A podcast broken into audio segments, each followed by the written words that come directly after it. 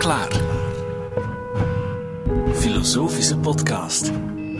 Kant en klaar. Met Greet van Tienen. Toen de 18e-eeuwse filosoof Immanuel Kant op een dag niet op zijn vaste tijdstip door Koningsbergen wandelde, was de hele stad in paniek. Normaal konden ze zonder mankeren hun klok op hem gelijk zetten. Maar Kant was die dag echter zozeer verzonken in Emile van Rousseau dat hij voor één keer de tijd was vergeten. Verder maakte hij elke dag hetzelfde rondje op hetzelfde uur. Dat extreem secure gedrag dwangmatig of abnormaal noemen zou natuurlijk veel te ver gaan. Bovendien is een psychische stoornis niet zo makkelijk af te bakenen, zegt psychiater en filosoof Damian Denis. Want het is altijd complexer dan we denken. Burnout bijvoorbeeld, of stress, wat is dat precies? Zelfs ik, die heel kritisch ben, vind ik naar mezelf, word soms op een verkeerd spoor gebracht. Op een bepaald moment, uh, want ik vind dat ik redelijk hard werk, dus ik dacht, ja, wanneer komt die burn-out nu? En ik stond op een bepaald moment op en ik had spierklachten en pijn. En ik had geen zin. Ik dacht, ja, dit is het. Ik heb het. Nu is het burn-out. En ik dacht, ik ga nog een paar dagen wachten. En dat bleef aan. Ik dacht van, ja, het is, het is mij overvallen. Dus ik sprak met mensen. Ik zei, ja, ik denk dat ik een burn-out heb nu. Ah ja. Um, maar toen bleek het eigenlijk gewoon een soort van infectie te zijn. Dus soms zijn we ook zodanig met dat concept bezig dat uh, eenvoudige infecties die lichamelijke klachten veroorzaken, worden geïnterpreteerd als stress en burn-out. Professor Damian Denis doseert psychiatrie aan de Universiteit van Amsterdam en is er verbonden aan het Academisch Ziekenhuis.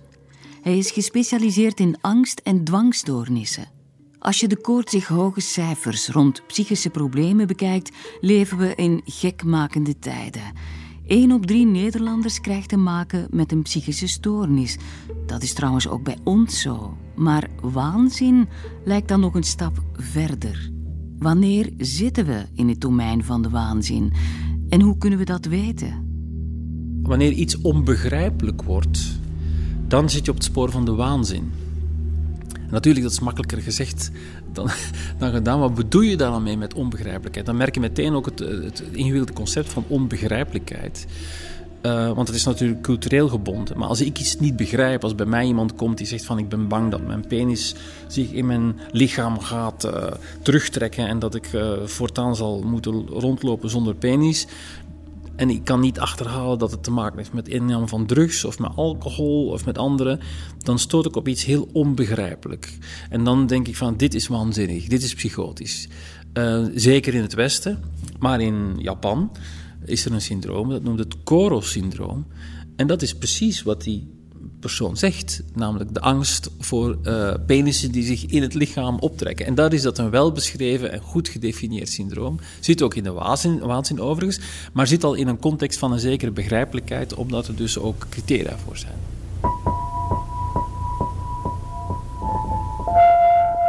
We vertrekken in deze podcast telkens van één van de vier vragen van Kant.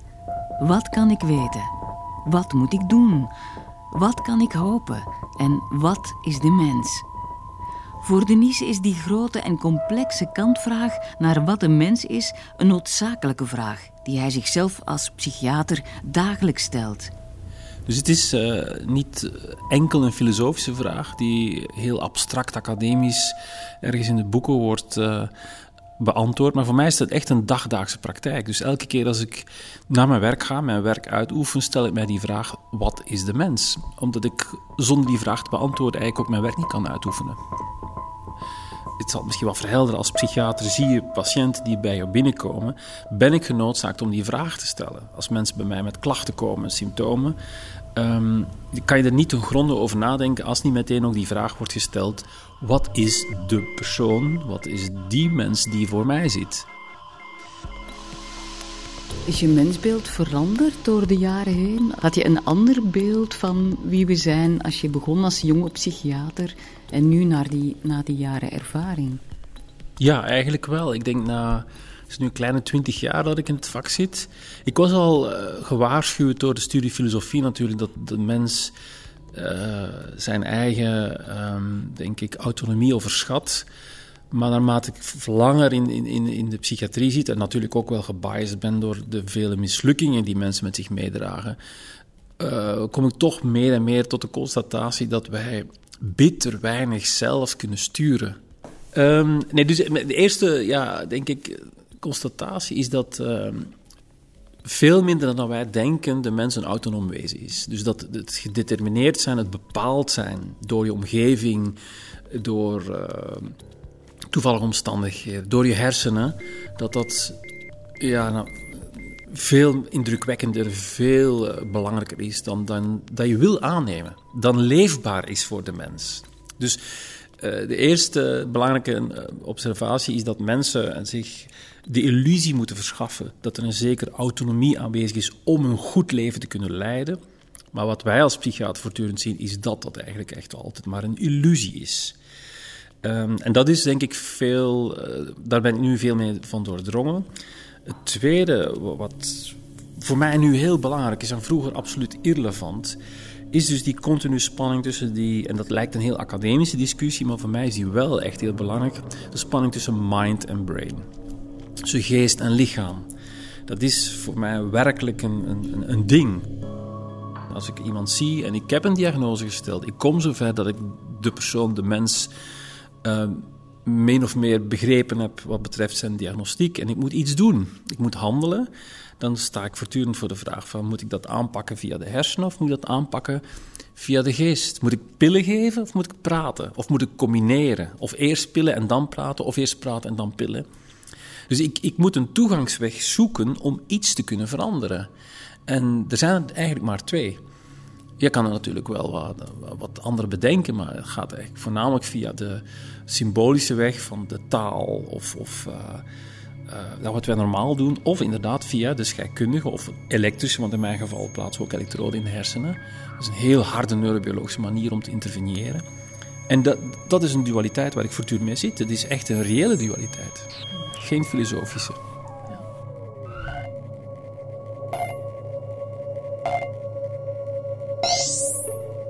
Ja, ik denk dat het idee, het besef, het bewustzijn van de reële determinatie door onze hersenen, genetica, omgeving, toevalsfactoren, absoluut onmogelijk is om mee te leven.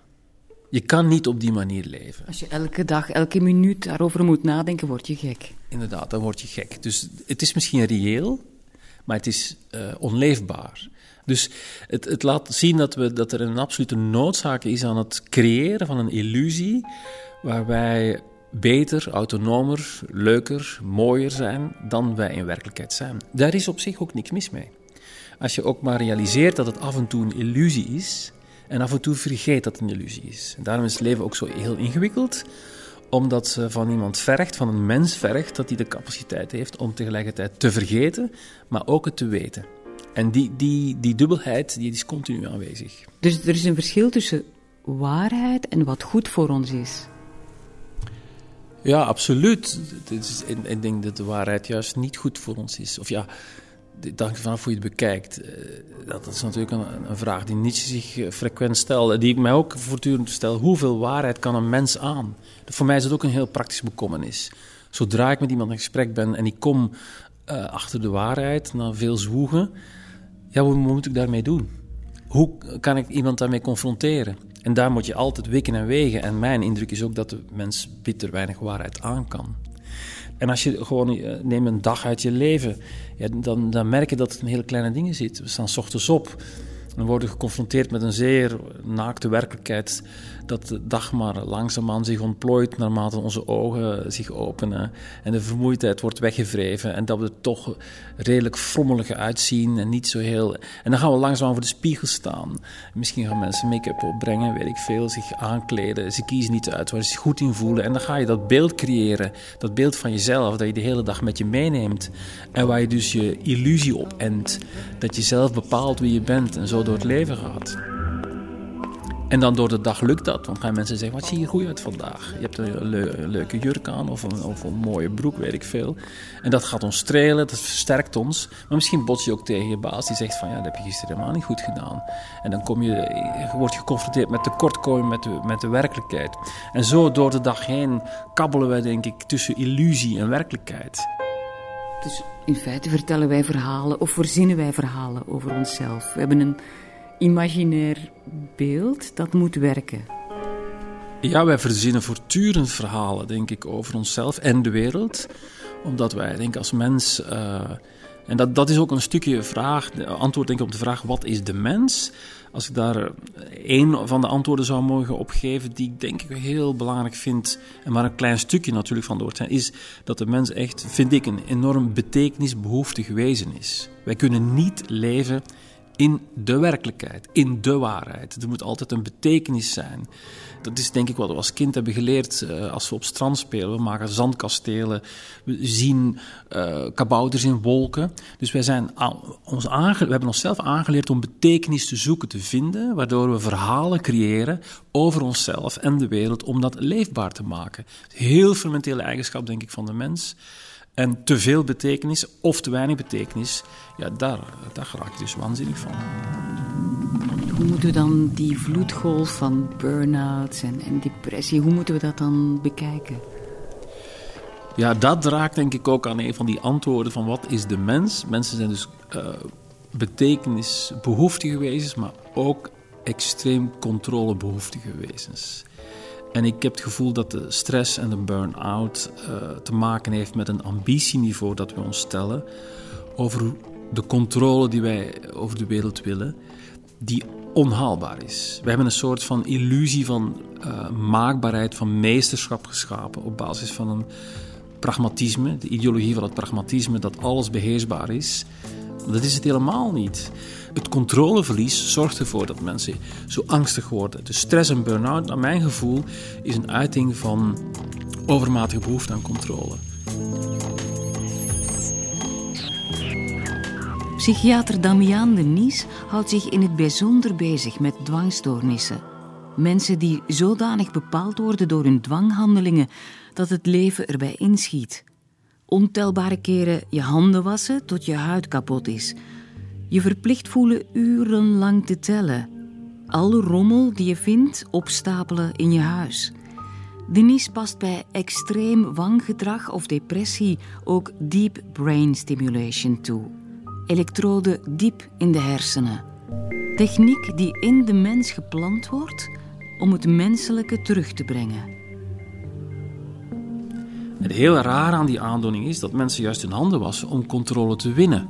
Maar door dat uit te voeren en het feit dat het een, gewoonte wordt, verliezen ze net de controle over datgene wat ze gebruiken om controle te winnen.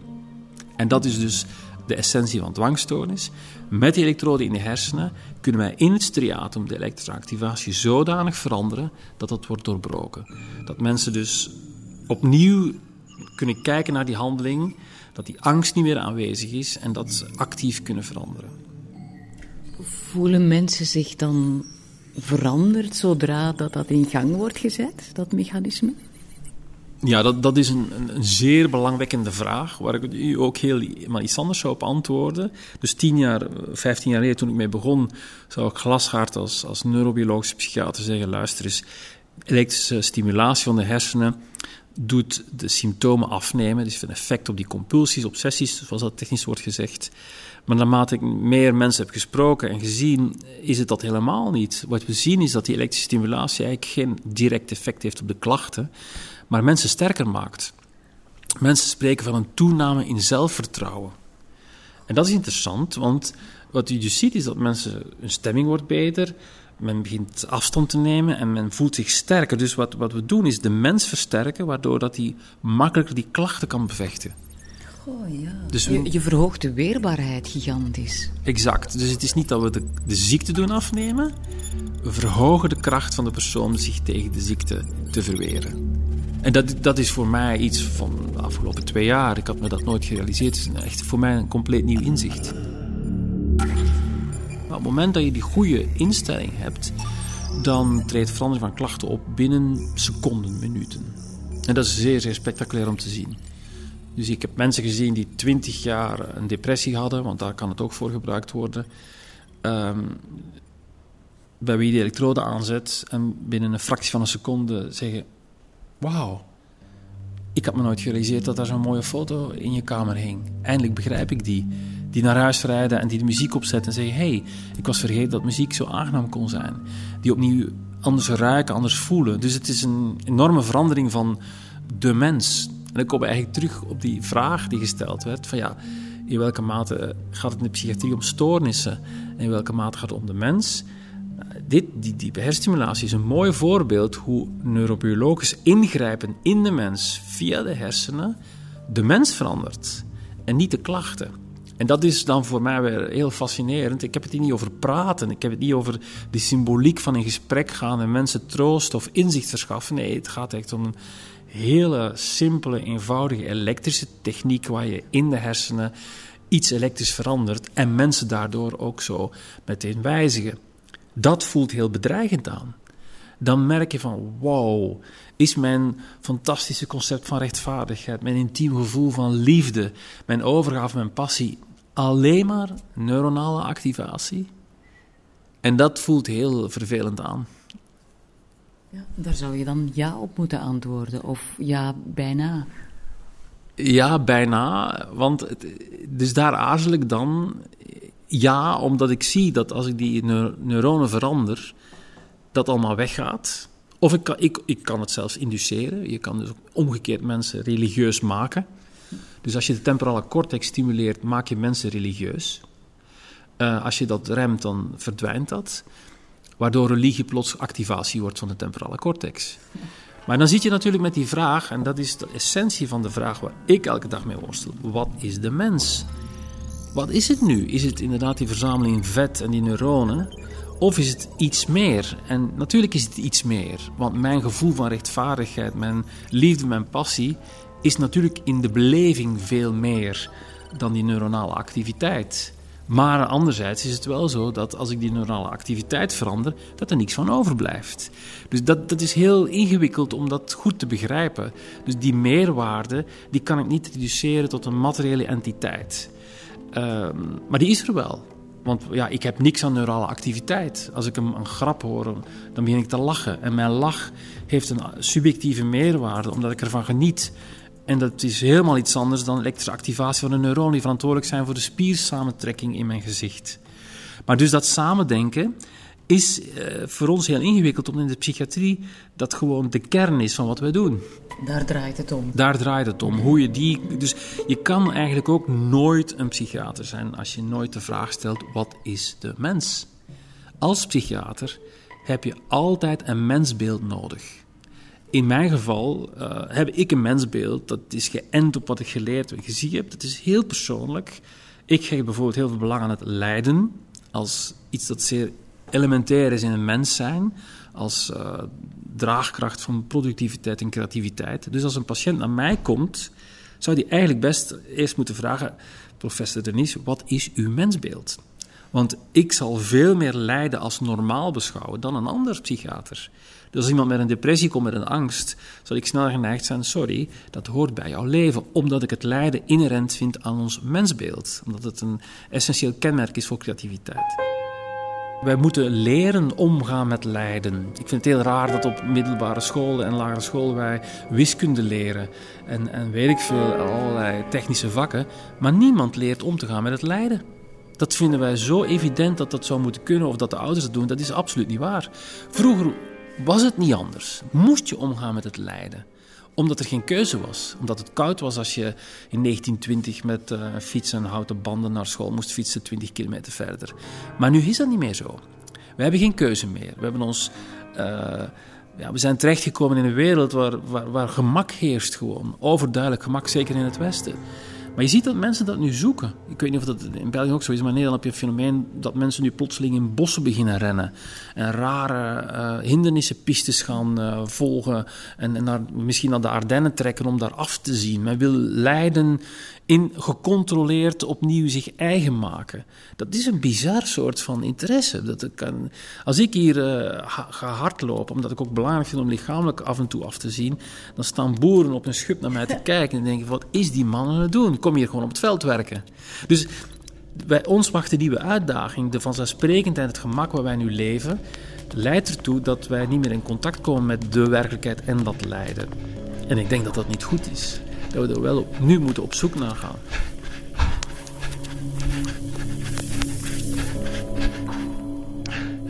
Damian, je hebt uh, filosofie gestudeerd en daarna psychiatrie. Mhm. En dan heb je ongeveer twintig jaar ervaring als uh, psychiater. Ben jij zelf als mens heel erg veranderd? Ben je nog altijd dezelfde die al gewoon ouder geworden is? Uh, ja, ik ben denk ik wel heel veel als mens veranderd. Absoluut. Uh, ik denk dat, um, ja, als je ouder wordt, meer. Ik heb het gevoel dat, maar ja, althans, ik vind het lastig om dat te zeggen. Al, zeker, de, althans, de illusie hebt dat je meer begrijpt. Ik vind het zo moeilijk om te zeggen dat je meer begrijpt. Dus voor mij, ik heb tot mijn 45ste geleefd als, ik weet het niet, eigenlijk volstrekt onnadenkend. Ik begreep er niks van. Niet van de wereld, niet van de mensen. Helemaal niet. En plotseling, uh, vanaf dan begon mij dingen te dagen. Zag ik verbanden en kreeg ik inzichten. En toen begreep ik ook wat ik geleerd had. Ik heb filosofie gestudeerd als ik 18, 19 was.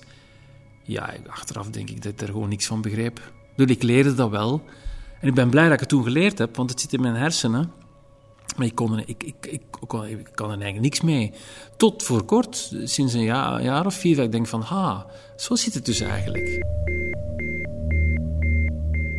Zo eindigt deze aflevering met een zwaar geval van chronische verwondering bij psychiater Damian Denis.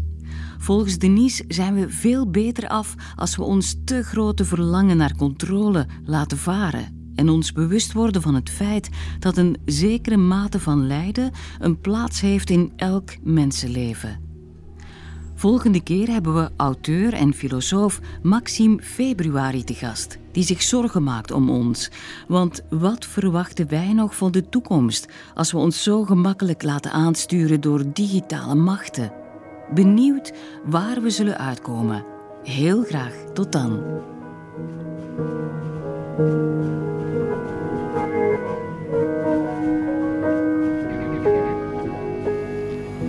U luisterde naar Kant en Klaar.